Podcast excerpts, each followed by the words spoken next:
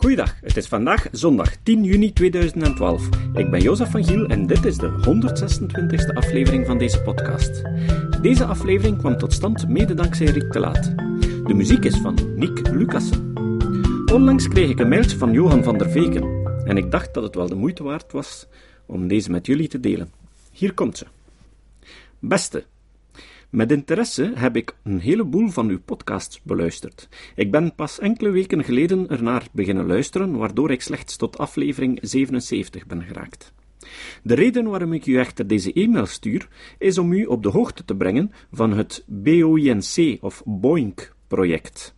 Dit staat voor Berkeley Open Infrastructure for Network Computing, ontwikkeld aan de Universiteit van Californië, Berkeley. Dit project wordt gesteund door de National Science Foundation. Met dit programma kunt u ongebruikte computerkracht gebruiken om aan allerlei wetenschappelijke projecten mee te helpen. Voorbeelden zijn onderzoek naar ziektes, aids, malaria enzovoort, klimaatmodellen, waterzuivering, alternatieve energiebronnen enzovoort. Deze grid computing, er wordt op gerekend dat velen dit BOINC-project zullen installeren, wat ook het geval is, zorgt ervoor dat deze onderzoeken veel sneller kunnen gebeuren. Zo duurt het onderzoek dat naar nieuwe aidsmedicijnen zoekt op deze manier slechts één jaar, terwijl dit via de klassieke manier bijna 100 jaar zou duren. Het leek me de moeite om u ervan op de hoogte te stellen, gezien uw wetenschappelijke interesse. Aangezien ik slechts tot aflevering 77 ben gekomen, weet ik niet of u het BOINC-project al heeft vermeld. Bij de lijst van vorige afleveringen heb ik echter geen verwijzing gevonden, waardoor ik ervan uitga dat u dit nog niet heeft vermeld. Indien u dit wel al heeft vermeld, bied ik mijn excuses aan voor deze overbodige mail.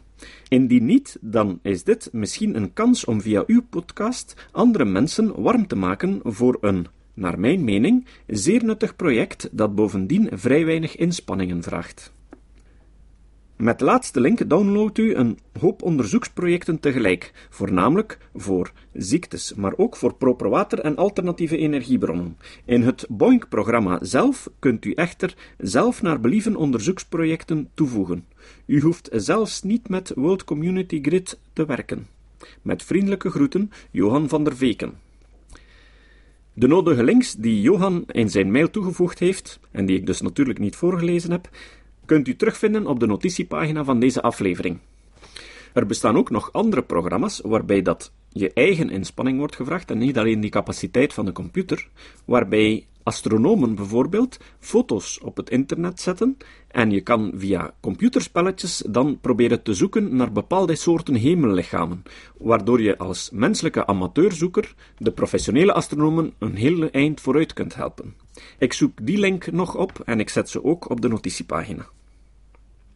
Sceptici worden wel eens verweten mee te hullen met Big Pharma, of de elektriciteitsmaatschappijen als het over kernenergie gaat, of betaald worden door de gsm-maatschappijen, of mee in een complot van de regering zitten.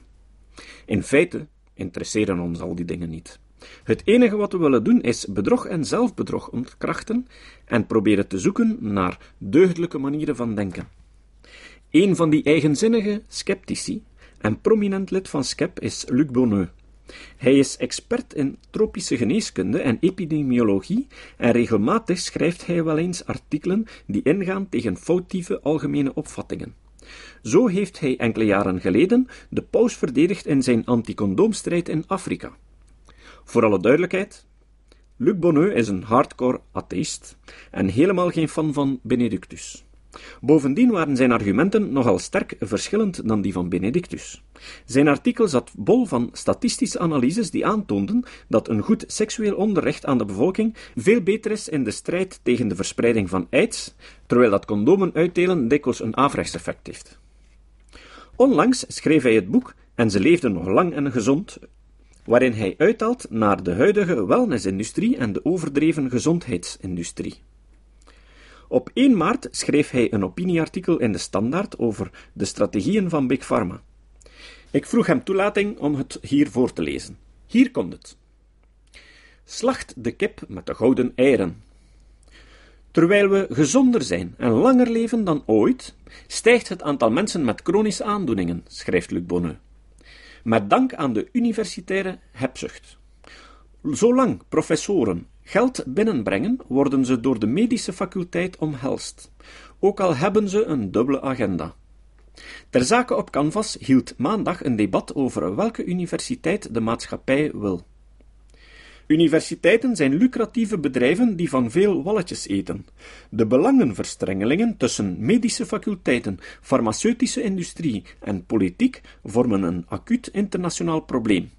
Rapporten van gereputeerde instellingen bevestigen dat, maar de oplossingen blijven steken in goede bedoelingen. De vraag is: welke medische opleiding en welk medisch onderzoek willen we? En hoe dwingen we dat af? De beide pandemieën van grieppaniek illustreren de problematiek. De eerste, de pandemie van vogelgrieppaniek, ontstond door de beschikbaarheid van griepremmers, Tamiflu. Er was geen vraag naar die medicijnen, ook al omdat bewijs dat die griepremmers complicaties konden voorkomen ontbrak. Waar er geen vraag is, kan ze worden geschapen. De angst voor epidemieën is deel van ons cultureel genoom. Academische virologen grepen een sinds 1997 circulerende vogelgriep aan om de mensheid de stuipen op het lijf te jagen. De politici wilden alles doen, behalve het allerkleinste risico nemen. Ze werden vooruitgejaagd door de virologen en stokkeerden de belachelijke hoeveelheden griepremmers, middelen die niet werken tegen een pandemie die niet bestond. Vomits. Dat was slechts een generale repetitie voor de Mexicaanse griep. Er is nooit een aanwijzing geweest dat dit virus een bedreiging kon vormen. Deze keer hadden dezelfde academische virologen een nieuwe griepvaccinatie te slijten. Door een noodprocedure werden die nauwelijks geteste vaccinaties goedgekeurd. Wat volgde werd door het Nederlands Geneesmiddelenbulletin droog beschreven als het grootste farmaceutische veiligheidsonderzoek uit de geschiedenis, en dat op kosten van de gemeenschap. Na dat opzichtige debakkele werden de verantwoordelijke virologen op het matje geroepen door de medische faculteiten om hen te feliciteren voor het vele geld dat ze hadden binnengehaald. Dergelijke deskundigen hebben honderden publicaties op hun naam, gefinancierd door de industrie. Ze zitten in alle adviescommissies en zijn de sleutelpersonen die het beleid van de Wereldgezondheidsorganisatie bepalen. Berouw tonen ze niet. Ze roepen alweer op om te vaccineren tegen een nieuwe griepvariant. In werkelijkheid is de griepvaccinatie een slecht vaccin. Een resultaat van sluipende besluitvorming, gedirigeerd door academische deskundigen. Maar door het jaarlijks terugkerende karakter is ze winstgevend voor alle belanghebbende partijen. Een gevolg van door winst gedreven medisch onderzoek is dat we zijn blijven steken met dit slechte griepvaccin. Je slacht de kip met de gouden eieren niet. Tegenover het handjevol strijders voor de Evidence-Based Medicine, EBM, die aanklagen dat de werkzaamheid van het vaccin nog steeds niet bewezen is, staat een leger hoogleraren om met veel imponeergedrag hun winkel te verdedigen. Goede geneeskunde is gebaseerd op het principe van niets doen bij twijfel. Goede wetenschap is gebaseerd op het principe van de verwerping. Van beide wil de moderne medische faculteit niet meer weten. Niet ingrijpen. Kleine risico's aanvaarden en doodlopend onderzoek afstoten betekent geld laten liggen. De universitaire, universele hebzucht resulteert in een politiek van bangmakerij en medicalisatie. Terwijl we gezonder zijn dan ooit en langer leven dan ooit, stijgt het aantal mensen met een chronische aandoening geleidelijk naar 100%. Screening en check-up veroorzaken steeds meer vomits, victim of medical investigative technology. Slachtoffers van overbodige diagnostiek en de niet ongevaarlijke behandelingen die er het gevolg van zijn.